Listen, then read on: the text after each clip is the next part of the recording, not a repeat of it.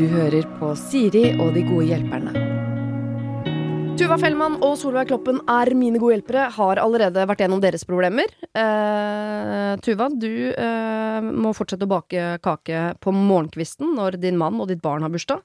Og så får du leve med at han kanskje ikke baker til deg de neste fem-ti årene, før barna deres tar over og sier 'fatter'n, skjerp deg, vi må bake'. Ja. Ikke sant? Ja.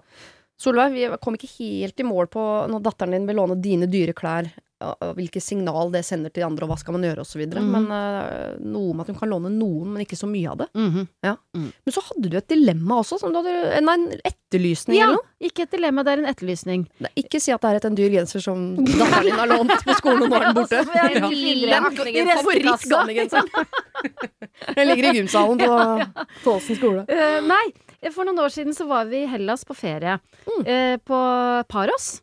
Eh, en liten gjeng. Og så hadde vi spist middag på en, i den byen som heter Nasno. Var det noe sånt. Ja, alle Ja. vet hvilken du mener Ja, nå. hvis Ganske man- litt, litt sånn fancy eh, by og sted vi hadde vært og spist på. Ferdig, går bortover brygga der, deilig sommerkveld, og så er det en norsk familie eh, som har spist middag på en annen restaurant, og så stopper de meg og så sier de unnskyld, du, kan vi få lov til å ta et bilde av deg? Så tenkte jeg ja, selvfølgelig, så hyggelig. Og så hvisker hun, uh, moren meg i øret, det er egentlig ikke deg vi har lyst til å ta bilde av, men på det bordet bak der, der sitter Paul McCartney. Og, og vi har fått beskjed fra restauranten om at vi ikke skal forstyrre Vi får ikke lov til å forstyrre han, men hvis vi tar bilde av deg, Ja. men så har vi fokus på, på Paul McCartney, så får vi For de liksom tenkte at de greske kelnerne tenkte sånn Å ja, de tar bilde av Solveig Klopp. Å, de bare, å ja, det er hun, ja! Ja, men da tenkte de kanskje Ja. at det er meg som bonus, da, på en Ja. måte.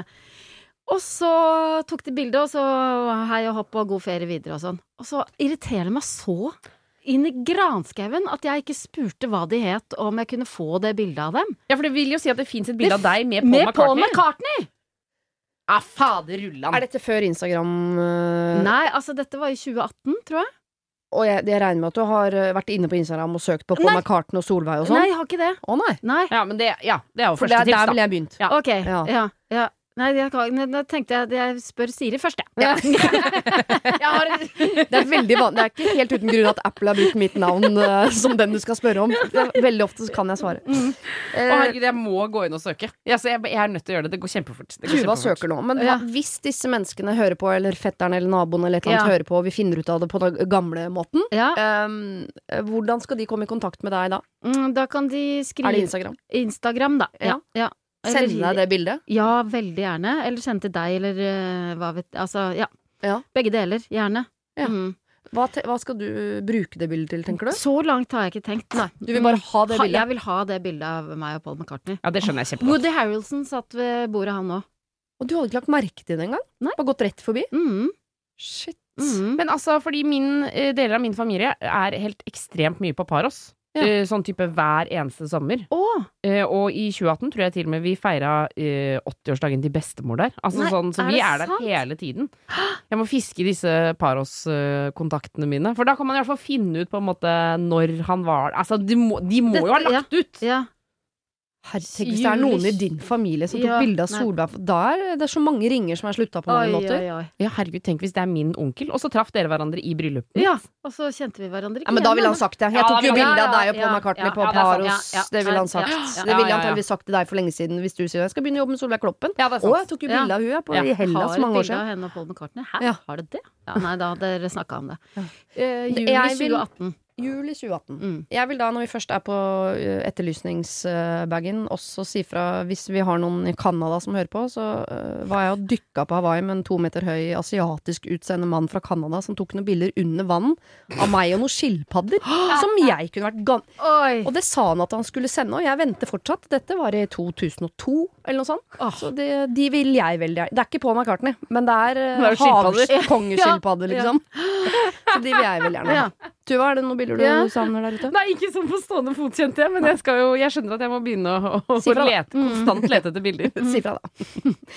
Ok, vet du hva? Jeg har eh, spart et problem til dere. Apropos Instagram. Det hender at jeg får problemer på min Instagram som jeg må ta med meg videre her til arbeidsplassen. Og dette tenkte jeg sånn Dette må jeg ta med Tuva Solveig når de kommer. For det er litt relevant ut fra deres eh, nåværende yrke. Mm.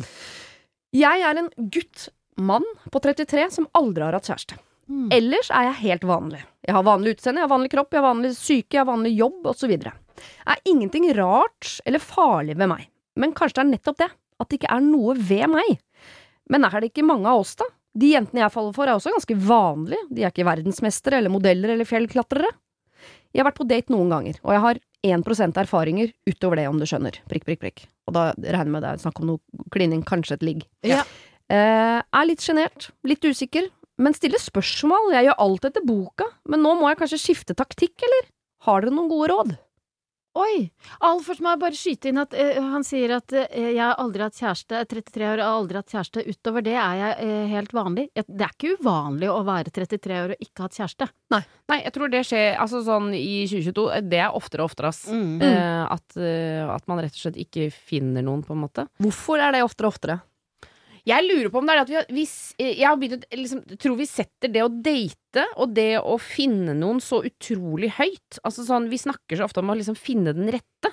Eh, og, og det er sånn det, det føles så Det føles som et fjell som er umulig å klatre, da. Mm. Når du skal finne rette. Det er som å, når noen sier sånn Ja, du må ta, garantere at du tar riktig utdanning. Ikke begynn på feil, liksom. Ja. Eh, at vi på en måte legger lista for høyt. At Mm. liksom, det kan, du kan finne noe, ha en kjæreste og ha den kjæresten i Altså, tre måneder, og så ja. slå opp, liksom. Vi har blitt romantisk litt bortskjemte. At det skal være, her er mulighetene så mange at det skal være perfekt, ellers så skal det ikke være.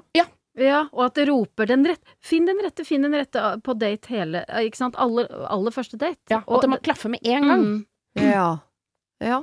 Nei, eh, det er jo sikkert godt for han å høre at det er mer vanlig enn han eh, tror. For han, det, han har hengt seg ganske opp i det der. At jeg er jo helt vanlig, hvorfor er det ingen som liker meg? Og jeg Ja. liker jo vanlige folk, og Men han spør jo også skal jeg skifte taktikk, og så ble jeg usikker på hva er taktikken hans igjen? Han stiller spørsmål, i hvert fall. Ja. Han gjør alt etter boka. Og jeg bare, altså det er jo vanskelig, man leser jo det man vil lese inn i ting, Mm. men øh, å ha en taktikk og gjøre ting etter boka sånn, for meg kan være dessverre litt usjarmerende. Nettopp. Ja.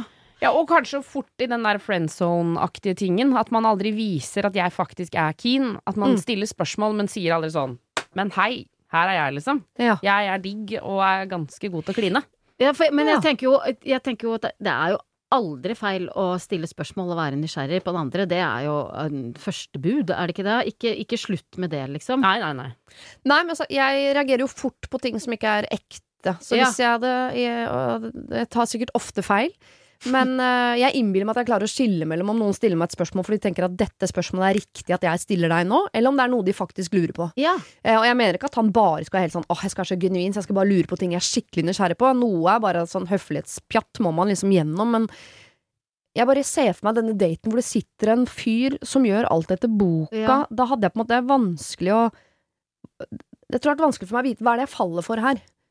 Men Hvem er du? Eller hva eh, Ja. mm, Jeg skjønner hva du mener. Mm. At han kanskje må finne Ikke at han må liksom vise feil og sårbarhet og sånn med en gang, men bare Lett å si at han slapp, ikke gjør ting etter boka, liksom. Men Eller vet vi hva han holder på med?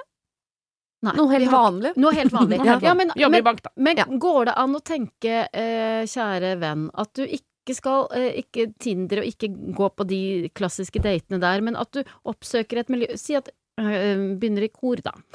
Ja. Eller noe. Finner deg en hobby hvor du kan eh, være sammen med en større gruppe over litt lengre tid. Det er jo gjerne da det oppstår noen følelser, at man kjenner sånn Oi, Guri, jeg syns ikke hun var Syns ikke hun var så flott i begynnelsen, men nå vokser hun på meg. Nå Ja. liker jeg Altså at, det, at, det at den der eh, dategreia er litt stressende. Mm. At man blir bedre kjent, på en måte. Ja. Ja. Ja, jeg tror også på det, altså. Også, men, og jeg følger deg veldig på den, Siri. Den eh, kanskje ikke gjør alt etter boka fordi du har blitt fortalt å gjøre det. Mm. Eh, og se an situasjonen litt. Fordi noen ganger så er det jo det mest sjarmerende med mennesker er når de liksom griper sjansen og bare eh, kløner eller prøver på Mm. noe. Altså sånn det å, å, å være liksom litt til stede og, og se om det går, da. Mm. Fordi jeg mener, liksom som jeg sa innledningsvis, at eh, jeg, jeg tror vi har for høy terskel til å prøve eh, og til å gå på date og tenke liksom sånn det, det, hvis, hvis det blir feil, så er alt ødelagt. Altså sånn, gå på masse dates, drit deg ut. Ja. Gå på et par smeller, sånn at du får den erfaringen også, da. Mm. Gikk på date en gang uh, med en fyr hvor jeg foreslo at vi skulle spille basket. Eh, Ja. Spille 21, Ja. rett og slett. Mm. Som Ja, jeg syns er en ganske gøy 21. syssel. Kjempemorsom. Ja. Så Det skal vi gjøre. Ja. Eh, eh, kanskje litt slemt, i og med at han var kanskje Han var veldig lav. det skal jeg, og, og jeg hadde Visste spilt du det? Nei. Og jeg hadde spilt basket, så det var kanskje Men uansett, jeg tenkte at det var en hyggelig ting å gjøre. mm, eh, alternativ måte å bli kjent på. Eh, og så er vi og spiller basket. Han er en ganske hyggelig fyr. Eh, vakker indisk mann, egentlig. Oi. Men så er han så opptatt av å være bedre enn meg i basket.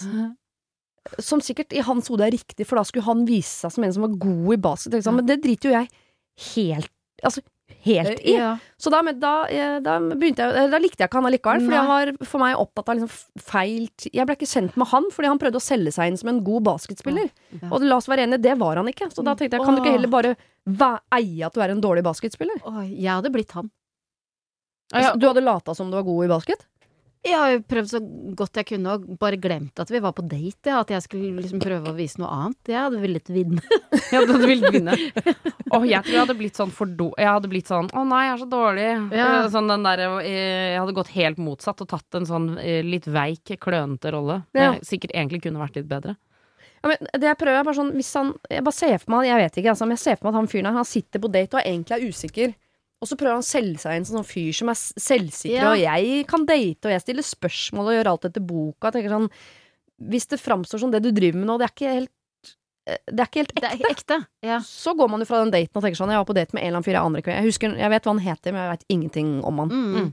Men, men da ligger det da, da tenker jeg at Tuvas tips her er veldig godt. Da. At, ikke? Tenk sånn Ok, nå går jeg på date, og, hvis, og så bare prøv, altså, så er jeg, prøver jeg å være så avslappa som jeg bare kan, og være så til stede i dette her som jeg bare kan. Og Mm. går det ikke bra, ah, ok, så er ikke det verdens undergang. Det er ikke min undergang heller, liksom. Og da må man huske på at uh, den derre I radio sier man sånn 'sendt er glemt'. Uh, Ja, ja. Tenk det også, at det er sånn 'Å, dette er et menneske jeg aldri skal treffe igjen'. Ja.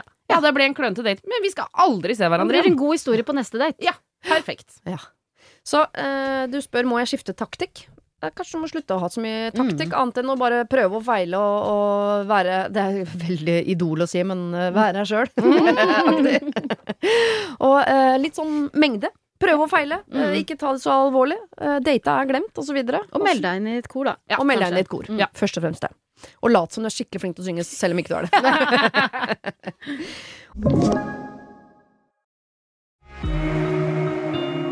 Har du et problem og trenger hjelp, ja, så sender du det til meg. Da bruker du Siri, alfakrøll, radionorge.no. Ok, vi skal over til et problem som jeg, jeg, jeg trodde ganske lenge at problemet handlet om noe helt annet enn det det handler om, så her må du liksom vente med å, å skrive fasit på blokka. Ok. Ok? Hei og god dag, Siri og Godhjelperne. Først vil jeg bare si Disse tingene pleier jeg ikke å lese, det beklager jeg. Jeg hopper over det. Hun pleier å Og høre på er det ros? ja, Ros, les det da, for nei, jeg en gangs skyld, Siri. Jeg jobber i Du er så helger flink, og- Siri. jeg jobber i helger og kvelder på Oslos fineste arbeidsplass. Jeg er student i tillegg og er avhengig av jobb for å få ting til å gå rundt. Og når det i tillegg er den første jobben jeg føler meg god i, så er det, eh, så er det som er problemet mitt, vanskelig. Problemet er rett og slett at jeg er redd for å havne i en truende situasjon eller rett og slett bli knivstukket. Jeg er livredd på jobb, og dette omhandler knivstikking og andre voldshendelser som har skjedd den siste tiden på østkanten i Oslo. Jeg reiser fra jobb rundt halv tolv eh, på kvelden og holder på å pisse på meg hele veien hjem. Jeg har ikke mage eller helse til å reise fram og tilbake til jobb lenger, men så er det jo dette med penger, da, trivsel på jobben osv., så, videre. så hva kan jeg gjøre?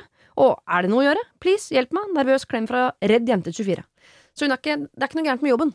Det er reiseveien til og fra. Så jeg trodde før, Hva slags jobb har du for du går rundt og er redd for å bli knivstukket? Har du ekstrajobb som fengselsbetjent, eller hva driver du med? Eh, Hun er redd for å, å dra til og fra jobb. Ja. Er det noe å gjøre med det? Ja, det må det være. Ja, Men det må det være. jeg Skjønner jo at det er veldig eh, ubehagelig. er jo Man kan jo lene seg litt på statistikk, da. Jeg er jo eh, fra østkanten i Oslo og vokste opp der. Eh, Det er jo ikke eh, kjempemange som blir knivstukket helt sånn tilfeldig. Uh, det er ikke sånn uh, er, Vi har ikke de, de tilstandene, er det jo ikke. Det er, skjer jo absolutt Mm. knivstikking, det skjer det jo fra tid til annen, men det er ofte ganske sånn målretta. Mm. Um, så, så, så man kan lene seg litt på statistikk her. Så med mindre hun driver og krangler med folk som driver med kniv også ellers, så trenger hun ikke være så redd på vei til og fra jobb. Eller, det er ikke, eller, eller du kan i hvert fall prøve å tenke på det når, når pulsen går opp, liksom. Mm, At ja. det skjer ikke så veldig ofte. At noen bare gyver løs på tilfeldige mennesker. Nei. Men det er klart, hvis angsten først har satt seg, så er det vanskelig å bli kvitt den. Mm. Og at hun kanskje bare er nervøs generelt. Jeg kan jo kjenne det med å gå eh, Jeg er altså oppvokst eh, Oslo øst. Aldri vært veldig redd, men jeg sendte jo på det noen ganger. Aleine hjem fra byen. Jente. Mm. Jeg, jeg, jeg hadde jo det gamle, det gode liksom eh, nøkkelen mellom fingrene-triksene, sånn at jeg virkelig kunne skade noen hvis jeg måtte slå osv. Uh, man, er jo, man er jo nervøs på vei til og fra, og så tenker man sånn det lureste nå er sikkert å ta taxi, og så plutselig blir man nervøs til å ta taxi, for det er jo ikke like trygt bestandig det heller, og så er det dyrt, og så Ja. Mm. Men det var enklere Jessheim øst. Der Ja. hadde vi Eller hele Jessheim hadde vi tre narkomane. Amundsen, Ottersen og Gundersen. Da jeg vokste opp. Mm. Det var så ryddig. Det var så, Det var så ja. fint! Ok, nei um. Er det en mulighet å Hvis det er de samme folka, det vet jeg jo ikke om det er, da, men hvis det er det samme stedet, da er det jo ofte de samme folka som henger rundt. Går det an å på en måte ikke konfrontere dem, men å begynne å hilse? Eh, Ja. For det har jeg gjort et par ganger. Idet jeg liksom kommer, eh, går gjennom opp en T-banegang, da, klassisk, og så står det noen der, Mm. så har jeg av og til bare sagt sånn halla, og så Ja. går jeg videre. Ja. Det er ikke sikkert at det funker, men, men det å på en måte prøve å liksom vise at Mm. sånn her er jeg, her er dere, mm, jeg skal gå forbi her. Jeg respekterer deg, du respekterer meg. Ja. mm. Men det kan jo selvfølgelig også være en, sam ja, det kan jo være en samtalestarter. Jo, men det er veldig sjelden starten på knivstikking, hvis du skjønner. Bortsett Mhm. fra hvis man følger med på uh, direktøren på TV 2, da. Det bør man jo da ikke gjøre, for det er jo akkurat det som skjer. Men uh, ja. Mm. Uh, nei, jeg tror også fordi jeg tror ofte er man jo redd fordi plutselig blir alle fienden. Så hvis jeg at han som går bak deg, og han som går foran Og nå, nå sier jeg han konsekvent, for jeg tror Mm. ikke hun er så redd for at hun skal bli knivstukket av en annen kvinne. Dessverre, vi har ikke kommet så langt i likestillinga. Mm. Eh, eh, så tror jeg bare fordi de er fremmede. Du vet ikke hvem de er, da er de potensielt knivstikkere. Så Mm. kanskje ved å si hei at det tar bort noe av det mystiske. Mm.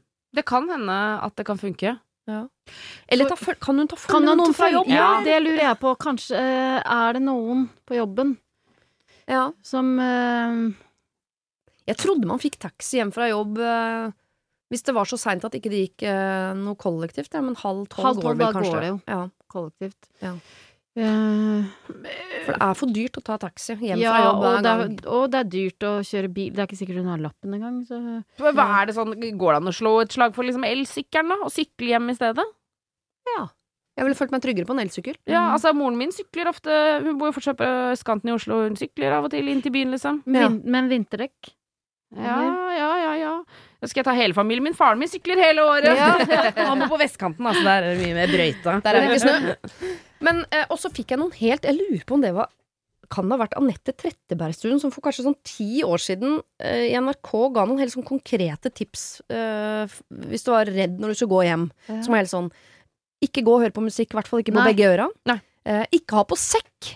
Var en sånn, for det er visst sånn oh, ja, eh, Hvis noen tar deg i sekken, så har du ikke armene dine. Så hvis du eh, har på sekk, så bare ha den på ene skulderen, sånn at du kan komme deg fort unna. Hadde noen helt sånn konkrete tips for å på en måte være i litt sånn uh, beredskap. Ja. Samtidig som Men ved det- å være i beredskap, så er man jo reddere. For Ja. da går man jo er klar til kamp hele veien hjem. Ja, for det fjerner jo ikke frykten. Nei, det tar, fjerner ikke frykten, men Mm. kanskje man kan føle seg litt mer sånn eh, robust ved å vite at man er liksom klar for kamp. Eller hva med Den arbeidsplassen høres jo veldig hyggelig ut. Eh, Godt arbeidsmiljø og sånne ting. Det kan Ja. jo hende at det er flere som føler på det samme. Kanskje du skulle lufta det på arbeidsplassen, og så starta en sånn lita komité for sånn Vi følger siste vakta til stasjonen-komiteen. Mm. Eller sånn få inn en sånn greie på det på arbeidsplassen eh, hvis det er noen flere som føler på det, da. Mm. Sånn at man finner en løsning som ikke er taxi, og som ikke gjør at alle må slutte på vakt samtidig. Enig. At man øh, hun tar det opp på arbeidsplassen. Se, kanskje det er flere som faktisk er Mhm, redde. Og at ja. det viser at hvis du, vi eh, går den veien, så kan vi faktisk da følge nesten hele, selv om det blir litt omvei for meg, Mhm. og, og så kan vi Mhm. bytte Ja. på. Eller hvis vi skyver lunsjen hans, øh, eller kveldsen hans, Så på en kan dere virkelig ta følge. Ja, så Mm. kan én gå liksom, ta ti Mm. minutter og bare gå med deg til T-banen, og så Ja, gå sånn, ja. tilbake. Mm. Altså at man kan løse det internt på arbeidsplassen. At Mm. man blir fulgt, liksom. Ja, for Hvis hun trives så godt på jobben som det hun gjør, så tipper jeg hun også er ganske verdsatt på jobben. For det er veldig sjelden man koser seg på arbeidsplassen hvis de andre syns du gjør en dårlig jobb. på en måte. Så dette er et sted hvor uh, hun er flink i jobben sin, og hun trives der. Mm. Og da vil jo de være interessert i at hun ikke slutter fordi hun ikke tør å gå på jobb. Mm. Så jeg tipper de vil strekke seg ganske langt for å, å sørge for at noen kan følge henne i hvert fall et stykke, eller til en trikk, eller Mm. Så kan hun kle seg, kle seg ut som en tøffas òg, da.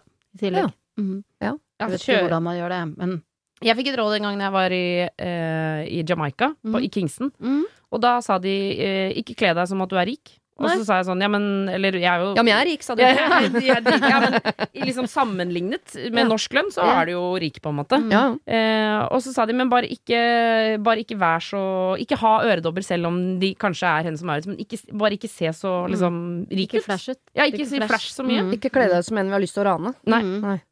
Jeg vet ikke om det er godt råd for Oslo S. Eh, det, Ja, for jeg hører nå at rødstrømpene er eh, Ja, på tastaturet. Sånn. Vi skal jo vel for faen få lov til å kle oss som vi Ja, vil. Jo, jeg er helt enig. Nei, eh, ta så allier deg med arbeidsplassen din. Se om dere kan eh, ta følge fra jobb. Det tror jeg faktisk er det lureste. Mm. Og eh, kan, ta et selvforsvarskurs eller noe sånt. Bare føl deg, vær litt sånn i beredskap. Mm. Jeg er jo så dumdrist at jeg tror at du, eh, det er ingen som kan ta meg. Fordi du har gått kurs? For, ja, nei, jeg tror jeg er eh, Inni hodet mitt er jeg elitesoldat, og jeg, jeg kan hoppe fire meter opp i været, Mm. sparke åtte mennesker i ansiktet før jeg lander igjen, osv. Ja. Når jeg ser snikende tigerskjult dag, så er det ikke sånn Der er jeg! Det- Sånn er jeg! det er gøy at du har, du har så utrolig høy selvtillit på sånne ting. På, jeg, jeg har en indre høy voldsselvtillit. Jeg er helt sikker på at den nesten kan banke hvem som helst. Og, men jeg vet jo at det er feil. Og, og på en eller annen måte ikke- er det veldig søtt, men det er kanskje feil. Ja, det er feil kritikk, tror jeg. Søt liten voldelig sak der borte. Uh, ok. Uh, uh, ikke så glad i å prate i telefon, er overskrift på neste spørsmål. Oh. Jeg har et spørsmål som jeg hadde håpet dere kunne drøfte. En av mine gode venner er veldig glad i å snakke i telefon. Hun kan gjerne ringe meg to ganger om dagen. Hvis det hadde vært opp til henne, så hadde vi snakket i en time hver gang. Jeg syns det blir for mye, og jeg kjenner at jeg til tider kan bli ganske irritert når hun ringer. I 99% av tilfellene er det hun som ringer meg, og det er nesten alltid jeg som må komme opp med en unnskyldning for å avslutte samtalen. Hun er veldig sosial, og jeg vet at det er ikke bare meg hun ringer. Hun ringer typisk om hun sitter i bilen, om hun vasker, osv. Jeg er veldig glad i henne, jeg vil ha henne som venn, men jeg kjenner at dette begynner å tære. Hva burde jeg gjøre? Skal jeg slutte å svare? Skal jeg konfrontere henne med dette? I så fall, hvordan kan jeg ta det opp uten å såre henne? Hilsen anonym. Oi. Men Står det egentlig 'Hilsen Vibeke' eller 'Birgitte'? Ja, eller Ingeborg eller Ronny, tror jeg. Har det, begge dere har venner av dette kaliberet? Ja. Som ikke har lyst til å Nei, som Det, jeg er det hun som ringer når jeg vasker hus eller Ja, ja. kjører bil. Ja, Jeg også. Og så Mm. vet dere at i andre enden er det et menneske som ikke har lyst til å snakke med meg, ja eller... men dere bare ringer allikevel? Eller, jeg er litt, noen ganger så er jeg litt usikker på om de vil snakke. Altså, Mm. Jeg vet at Ronny, mannen min, vil veldig ofte ikke snakke i telefonen. Og så mm. sier jeg sånn, men kan vi ikke snakke litt til, da? Og så Mhm. sier han gjerne sånn, nei, nei, Tuva. Um, men så, og så bare begynner jeg på en ny historie, sånn at han ikke rekker å legge på, liksom. Uh, for jeg er sånn som ringer Men Hvis jeg går fra jobb, så ringer jeg Ronny på vei hjem, Ja, selv om ja, jeg skal ja, hjem. Fra A, ringer alltid fra A Ja, til B. Da ja, er det så ja, ja. deilig å ha noen å Og, og Gå med. med! Ja, ja, ja, ja, ja, ja. Hvorfor ringer ikke vi hverandre oftere? Det er det du burde gjøre. Så det er det. Du burde, eh, du burde paire venninna di med meg og Solveig. Eller med en annen som er glad i å prate, ja. Ja. Fordi eh, i andre enden av denne telefonsamtalen så er det jo en jente som enten ikke skjønner at anonymer ikke liker disse samtalene, mm. eller så gir hun blanke faen. Ja. Sånn. Men jeg er ikke jeg ringer fordi jeg har lyst til å prate, ikke fordi du, du har lyst til å prate. Jeg vil prate, og ringer jeg deg. Ja. Du kan, eh, hun kunne egentlig bare lagt fra seg telefonen på bordet og gått og gjort andre ting. Ja. for det er jo et alternativ. Ja. Mhm. Det jo, må jeg innrømme at jeg gjorde litt med mamma mens hun levde. At, eh, at jeg bare la henne på Og så rydda jeg huset, altså jeg gikk litt rundt. Og så var det sånn innimellom sånn Hallo, ja, oi, guri, nei, det hørtes spennende ut. Og så videre. Ja. Mm. Ja, kanskje det, eh, men det kan jo dukke opp noe inni der som hun, hvor hun faktisk stiller et spørsmål, for eksempel. Og da blir du busta av det. Ja, det blir du. Ja. Mm. Og det er jo lettere å bli busta av mor enn venninne. Men slutte å svare, hva tenker dere om det alternativet? Nei Kan du ikke heller begynne å si når hun ringer, så kan du si sånn Du, vet du hva, fader ullan, ass, det passer så sjukt dårlig å snakke i telefonen nå. Og hvis hun sier det nok ganger, sier hun gjør det fem ganger på rad, da slutter hun å ringe. Men da var det jo eh, veldig uheldig at jeg har to gode hjelpere her i dag som er av det kaliberet som er sånne folk som ringer og vil prate en time av gangen. Mm. Eh, heldigvis for dere så er jeg den motsatte. jeg, eh, fordi hvis jeg hadde tenkt når du ringte at fy fader, det passer sjukt dårlig, så hadde jeg ikke giddet å ta telefonen for å si det.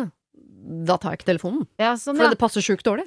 Kan Og jeg føler ikke noe forpliktelse til å ta telefonen bare fordi den lager lyd. Så er ikke det Å jeg gjør det ikke det? Jeg tar nesten aldri telefonen. Hæ? Da skal, Med mindre jeg sitter i bil med handsfree på, uh, som er jo en rar ting å gjøre. Sånn. Nei, det, jeg, det ser jeg ikke noe grunn til. Altså, jeg er sånn når jeg sitter i bilen Dette er litt flaut å si, men når jeg setter meg inn i bilen, så er det sånn at jeg håper at noen ringer. Ja, ja, enig. Jeg tenker sånn Ja. Å, jeg håper noen ringer. Ja. Å, kom igjen, da, kom igjen, da, kom igjen, da. Kan Mm. ikke noen ringe meg, liksom? Akkurat i bil kan jeg ha det samme. Da kan jeg ringe folk, men da ringer jeg jo de som jeg veit at elsker å snakke i telefonen. Mm. Jeg ringer jo ikke de folka som jeg vet at antakeligvis tenker sånn «Åh». Men hva slags hva, Hvordan er du når du tar telefonen, og venninna di ringer så mye, og du hater det? Da, du må endre tonen i samtalen. Må bli surere. Ja, du må uttrykke at du ikke liker det så godt, Fordi det er jo ingen som fortsetter å ringe hvis du vet, Vet at de at hater nei. det. Men, og hun hater det så intenst. Gjør hun det? Det virker som om uh, i 99% av tilfellene så avslutter hun sammen. Jeg tror, jeg tror ikke hun jeg tenker sånn 'å nei, ringer hun'? Jeg, hun er veldig glad i denne venninnen sin. Ja. Syns sikkert det er hyggelig at hun ringer, og jeg mener at de folka som ringer, er jo limet. Så vi må ikke få de til å slutte å ringe. De er kjempeviktige, for hvis alle hadde vært sånn anonym, da hadde vi jo Ja, det hadde mistet ja, det helt. Nei, det hadde jo ikke gått. Men, Det er, vi, altså det er vi anonyme, holdt jeg på å si, så må, vi må skjerpe oss. men, det, men, men det, jeg er enig med eh, vår venninne, eller vår venn her. eh, eh, To ganger om dagen, er, det er Det er litt mye. mye. Ja. Ja, ja, så vi kan begrense det til én gang. Men går det an at vår venn eller venninne her eh, At eh, hun eh, Hun trenger ikke ta telefonen alltid. Nei. Men at hun ringer tilbake på et tidspunkt hvor hun allikevel holder på med noe hvor hun kan snakke i telefonen samtidig. Altså Kjempelurt. brette klær, vasker, eh, kjøre bil. Mm. Ikke sant? Så får Ja, for jeg lurte på sånn, stopper man det ved å faktisk uh, gi tilbake? Eller kaster man bensin på bålet og sånn åh, nå er vi Nå er vi gang! Nå er vi skravlevenner. Ja, nå skal jeg ringe enda mer. Men, eh, eller for jeg jeg tenker på en annen variant av det. At hun, hver gang venninnen ringer, at det er et ku for sånn Nå skal jeg brette klær. Ja. At hun har det med sånn Jeg bretter ikke klær, jeg, med mindre hun ringer. Og da har man en agenda som er sånn Nå får jeg prata med hun, og så får jeg bretta de klærne. Kjedelig å alltid måtte reise rundt med den IKEA-bagen med uh, ubretta klær. Og så på T-banen så bare Jeg må brette klær! Sorry, sorry, sorry. Ja, men Hvis du da er et eller annet sted, så tenker man sånn Da trykker man på den eh, 'Kan ikke prate nå, kan jeg ringe Ja, deg opp igjen?' Som ligger ferdig på telefonen. Nettopp. Og så når hun kommer hjem, Da bretter Da- du. rett inn på- på der hvor vaskemaskinen er, ringer, bretter klær. Ja, kjempegod idé. Ja. Kjempeidé. For da er det en slags vinn-vinn. Ja, ja, ja. Og du får Mm. bli pusha til å gjøre kjedelige ting hjemme. Ja. Men en gang om dagen holder. Absolutt. Jeg tenker to-tre ganger i uka, jeg. Holder Nei, massevis. en gang om Siri, dagen. ikke gå helt over En nå. gang, vi En begynner gang med en gang om dagen, så Ja. får vi se. Men ring Sorry, jeg vet at vi egentlig er ferdig med dette. Jeg har jo en viss form for timing, men Ja. nå mista jeg det helt, for nå lurte jeg på noe. Eh, snakker dere med alle venner deres en gang om dagen? Nei, men jeg har to venninner som jeg nesten, snakker med nesten daglig, ja. Jeg, jeg snakker med Ronny hver dag på telefonen. Mhm. Mamma nesten hver dag på, telefonen. Pappa nesten. Borgen nesten hver dag, ja. Hvilken borg? Ja, altså min venninne Borgen. Ja, ok.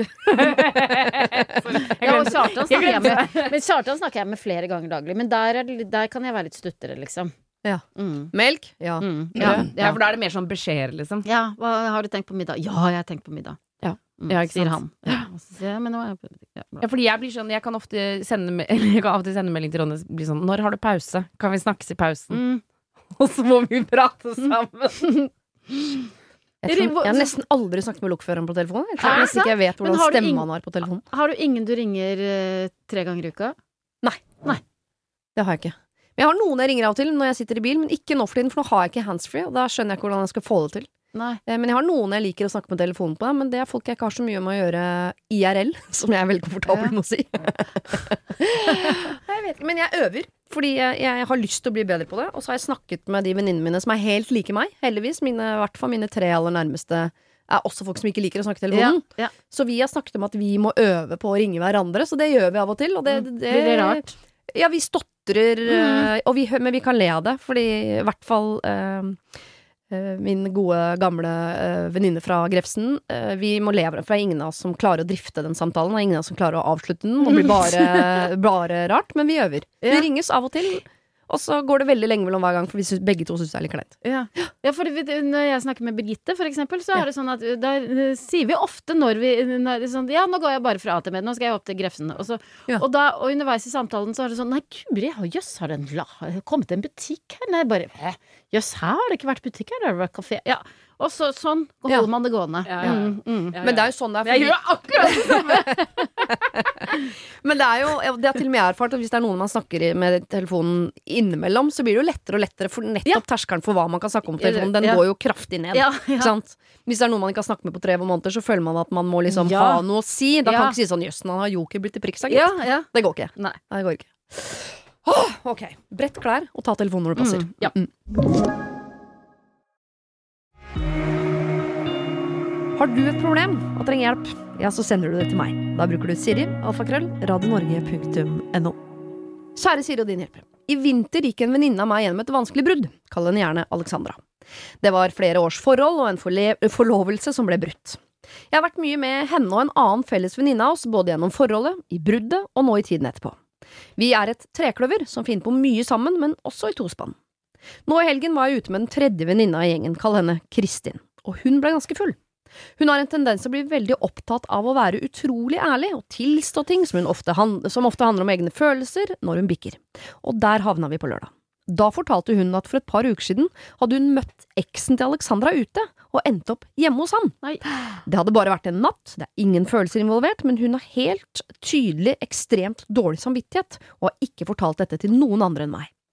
Men nå har jo jeg havna mellom barken og veden. Jeg hater å ha en sånn hemmelighet for Alexandra, og er ekstremt skuffet over Kristin. Alexandra har omtrent sagt rett ut at om noen av oss skulle finne på å gjøre noe med hennes eks, ville hun ikke ant hvordan hun skulle takle det. Jeg vil ikke ødelegge relasjonen mellom de to venninnene, og tenker av og til at jeg bare skal holde på en hemmelighet, men synes det er skikkelig dritt å vite at dette har skjedd. Skal jeg fortelle det til Alexandra, selv om jeg ikke vil, eller skal jeg prøve å overtale Kristin til å si det, eller må jeg bare grave dette ned? Og hvordan gjør jeg det? Åh. Ja, Ah, jeg, jeg, jeg er soleklar på hva jeg mener her. Ikke si det. vil du si det høyt? Eh, Jeg skal, skal, skal Ja. jeg bare fyre på? Ja, ja. Ja, for jeg mente ikke ikke si det som at ikke Ikke si det her på radio. Eh, nei, jeg mener at hun må overtale venninna til å si det. Okay. Hun må si at dette her er en hemmelighet som ødelegger eh, for meg Mm. og mitt vennskap til eh, den andre jenta. Mhm. eh, og det eh, orker jeg ikke å være med på. Mm. Fordi det mener jeg at det er det hun gjør, og det, jeg synes det, sånn, det er litt dårlig gjort å fortelle det, og så eh, blir man gående på en måte med den hemmeligheten som potensielt skader det andre vennskapet. Mm.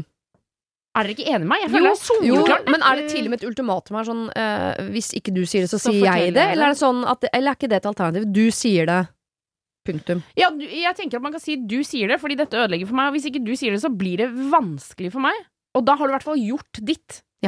Hvis du Mm. skjønner hva jeg mener. Så hvis det noen gang kommer frem, så kan du si at jeg sa at det må du si, Mm. men det er, ikke min, det er ikke min plass å fortelle dette videre. Hvis du skjønner hva jeg mener. Mm.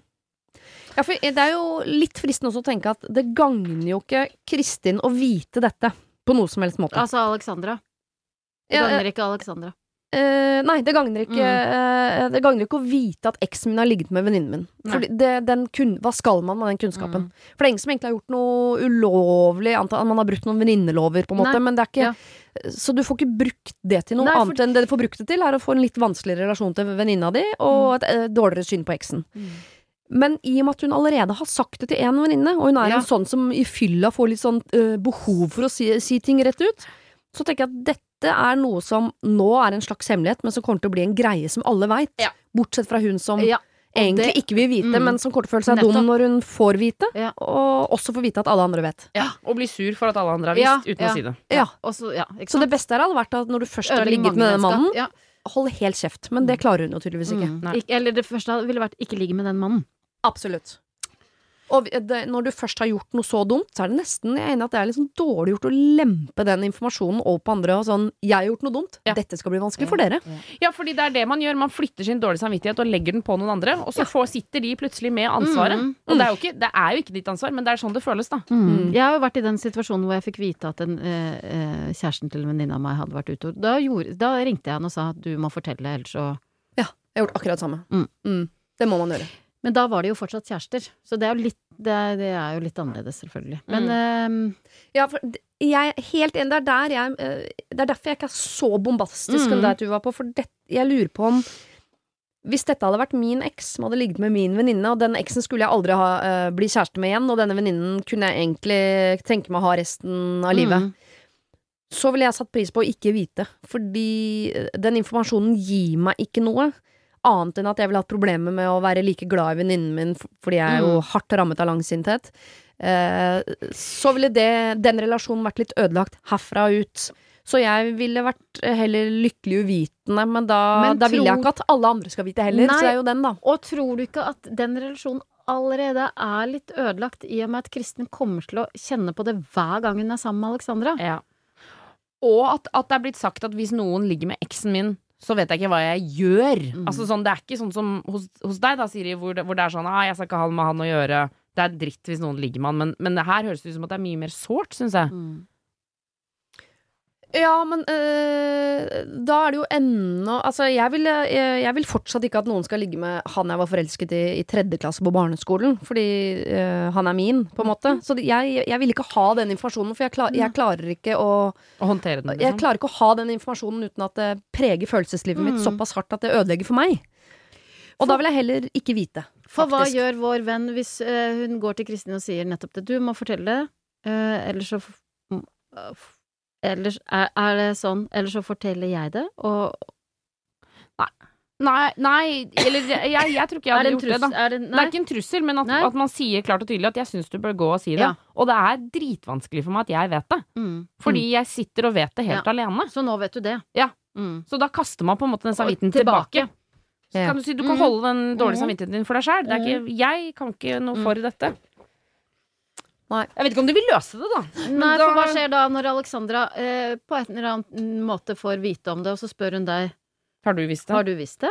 Og da kan man si ja, Ja, og jeg og jeg- gjorde alt jeg kunne for Ja. at hun skulle si det til deg. Ja, det skal hun ikke ha dårlig samvittighet for. Nei. Eh, men jeg bare lurer på, det hadde vært så fint om man kunne vite om Alexandra var en sånn type som vil vite det. For hvis hun er en sånn type som ikke vil vite det, Mm. så legger man jo noe over på henne som hun ikke vil ha. Ja. Mm. Ikke sant?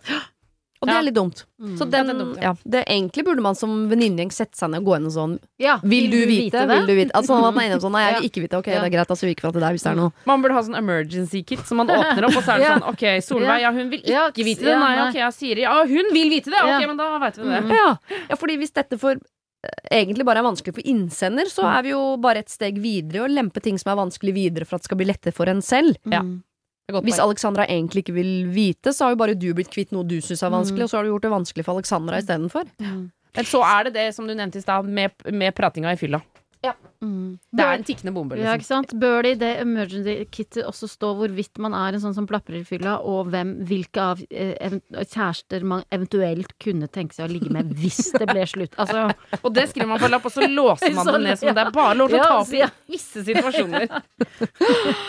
Ja, nei, vet du hva. Eh, Jeg syns eh, ditt råd er liksom det som står ut her, Tuva. At eh, du må gå til venninnen din og si at dette her er du nødt til å fortelle. For dette gjør hele vennskapsrelasjonen mellom deg og meg, dere to, alle tre. Altså, hele vennskapet blir dårligere ved at vi vet og hun ikke vet, så dette må du ta videre. Ja. Og så får man håpe at hun setter pris på det. Mm. Jeg tror ikke de kommer til å være så gode venner etterpå. Nei, jeg tror ikke det. har Vært en periode der blir litt vanskelig. Altså. Ja, det må dere bare stå i. Mm. Siste problem. Kjære Siri og gode hjelperne. Jeg er mor til fire barn. Oi. Pappaen deres og jeg er ikke lenger sammen, men vi bor i nærheten av hverandre, og de er hos han annenhver helg. Egentlig onsdager òg, men det funker så dårlig i praksis. De er fire veldig forskjellige barn. Rart at samme genpool kan lage så mye ulikt. Den nest minste av dem, en gutt på ni, skiller seg ut ved blant annet å være svært krevende. Han er slem med søsknene sine, og 90% av uroa i huset vårt er på grunn av han. Det er slitsomt å være alene med fire, spesielt når det er så mange konflikter. Jeg føler meg grusom som sier dette, men jeg drømmer om at han kan bo hos pappaen sin. I hvert fall noen dager i uka. De klikker bedre sammen, og han er roligere uten søsknene rundt seg. Eh, Jeg har alltid sagt at han burde vært enebarn, han der. Men kan jeg det?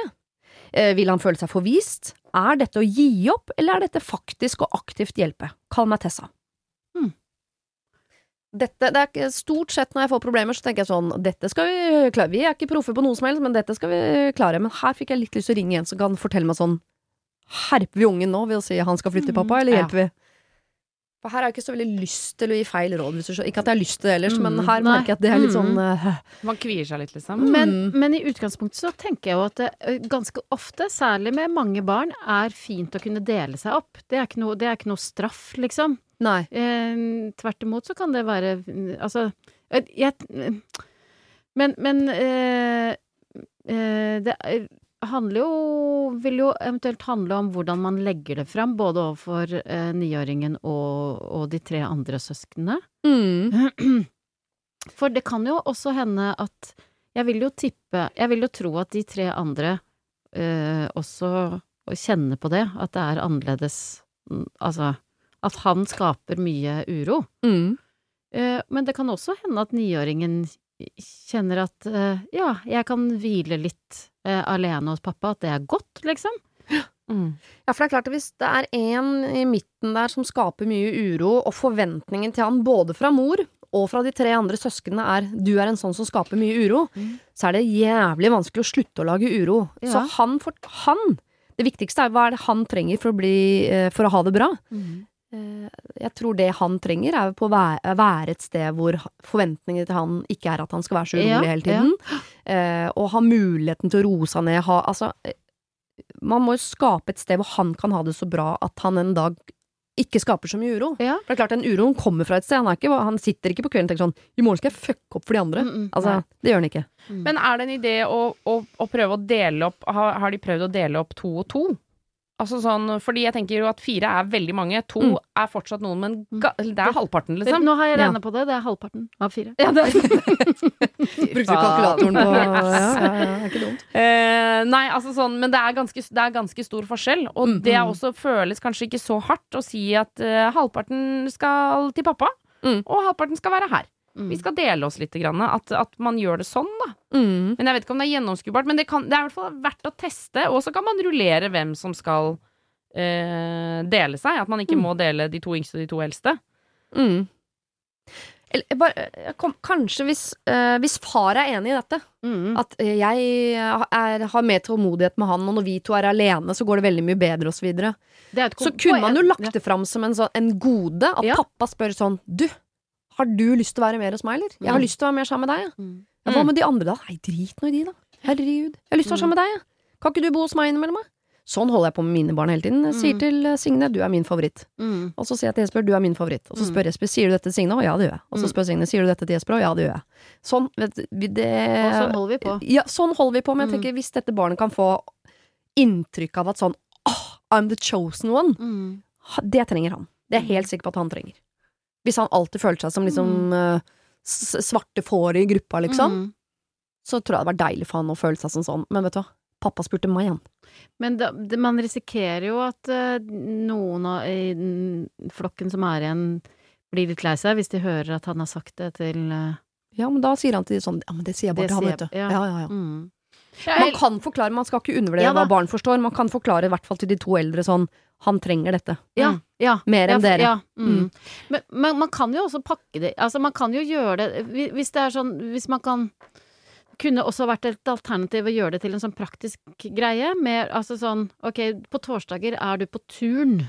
eh, Ja. På Hasle, liksom. Og pappa Altså Pappa, pappa følger pappa, pappa følger deg dit, og da er det mest praktisk at du blir med hjem til pappa også etterpå, og så bare sover hos han til Ja. fredag, liksom. Mm. Jeg tror jo eh, Altså, moren og faren min er jo skilt, og det var jo mange, ofte hvor jeg var sammen med pappa alene. Mm. At Uten at storesøsteren min var der, på en Ja, hva tror du det handla om, da? Tror Nei, ja, det, jeg innser det nå når vi snakker om det. Og jeg er hun minste og var ganske urolig. Ja. Så det var nok det. Men Ja. elska du ikke For at jeg var også mye med min pappa alene når mamma og pappa gikk fra hverandre, og, og elsket det sånn hardt og flott å ha pappa for seg selv. Ja. Så det, jeg tipper Ja. hvis denne gutten går enda bedre overens med pappaen sin enn mammaen sin, så er jo det en gave Det til han å få lov til å være der og en alene gave sammen med til de tre andre. Ja. Men kan det komme fra pappaen eh, altså sånn et ønske om altså At han ikke nødvendigvis trenger å favorisere, men at han kan si sånn Har noen av dere lyst til å være mer hos meg, eller? At han kan stille det som et åpent spørsmål inn i familien. Ja, hvis alle fire da sier jips, så Ja. har de jo et problem. Ja, så sier han ja, men perfekt, da kommer du på tirsdag, så Ja, du på sånn, onsdag, og så ta, kan ikke du bli torsdag, fredag, lørdag, da? Mhm. Ja, for mor her trenger jo Ikke sant, Tessa trenger en pause. Hun er eh, på en måte alenemor til fire. Men eh, jeg tror, Det er slitsomt. jeg tror det første Tessa må gjøre, er jo å snakke med far Ja. om hvordan vi løser dette her. Ja, for det er lov å si I- 'hvordan løser Vi dette. Ja. Ja. Og så er det jo et slags kompliment til far at, uh, at niåringen åpenbart liksom er kanskje både tryggere, eller i hvert fall roligere da, hos far. Ikke sant? At det er noe med deg som gjør at han faktisk uh, kanskje har det litt bedre. Ja. Og så må man tenke også, også får mor her overskudd til eh, når han er hos henne, og takle det bedre. Hvis han opplever for mye sånn 'åh, nå er jeg vanskelig igjen', så kan det, det kan herpe ganske Ja, mye, ja, altså. Ja. Det, det er litt eh, Det der syns jeg er skikkelig mm, skummelt. Jeg får ordentlig sånn vondt av det hvis han opplever sånn 'åh, nå syns alle at jeg er litt vanskelig'. Da blir du vanskelig, da. Mm. ja, Ja. da blir det vanskelig. Ja. Mm. Nei, jeg syns det høres ut som en god idé, Tessa. At han er litt mer hos pappaen sin. Må bare vite hvordan dere legger det fram. Og så må jeg bare si sånn, basert på egen erfaring, vi barn Da liker jeg å påstå at jeg fortsatt er barn. Vi skjønner mye mer enn dere tror. Mm. Så jeg tenker, du trenger ikke å lure barna. Kan, man kan snakke med barna sine om ganske mye. De Mm. skjønner ganske mye. Mm. Så jeg tror man kan legge fram mye av det, Mm. uten at det blir eh, gærent. Heller det enn å lure de, og så skjønner de sånn her er, dette handler om noe annet, Mm. og det her er noe som skurrer, og jeg Mm. skjønner ikke, og. Ja. ja. Hvis de barna ikke er så dumme som Tuva, da, som ikke skjønte det, eller ikke tenkte Før de ble det- godt voksne, ikke sant? 35 år, og så nå skjønte jeg det. Så når, når vi er ferdige her, så skal jeg gå ut og ringe moren og faren min. Skal vi ta et lite oppgjør her. Ah, eh, tusen takk, Solveig, og tusen takk, Tuva, for at dere var mine gode hjelpere. Takk for at vi fikk komme. Gleder jeg meg til å fortsette å se på kjærlighetsprogrammet deres på Discovery Pluss. Hvor mange blir kjærester? Ah, det kan jeg ikke si. Nei, okay. Du kan glede deg. Ja. Det var det. Husk å sende ditt problem til siri at radionorge.no om du vil ha hjelp. Denne podkasten er produsert av Klynge for Bauer.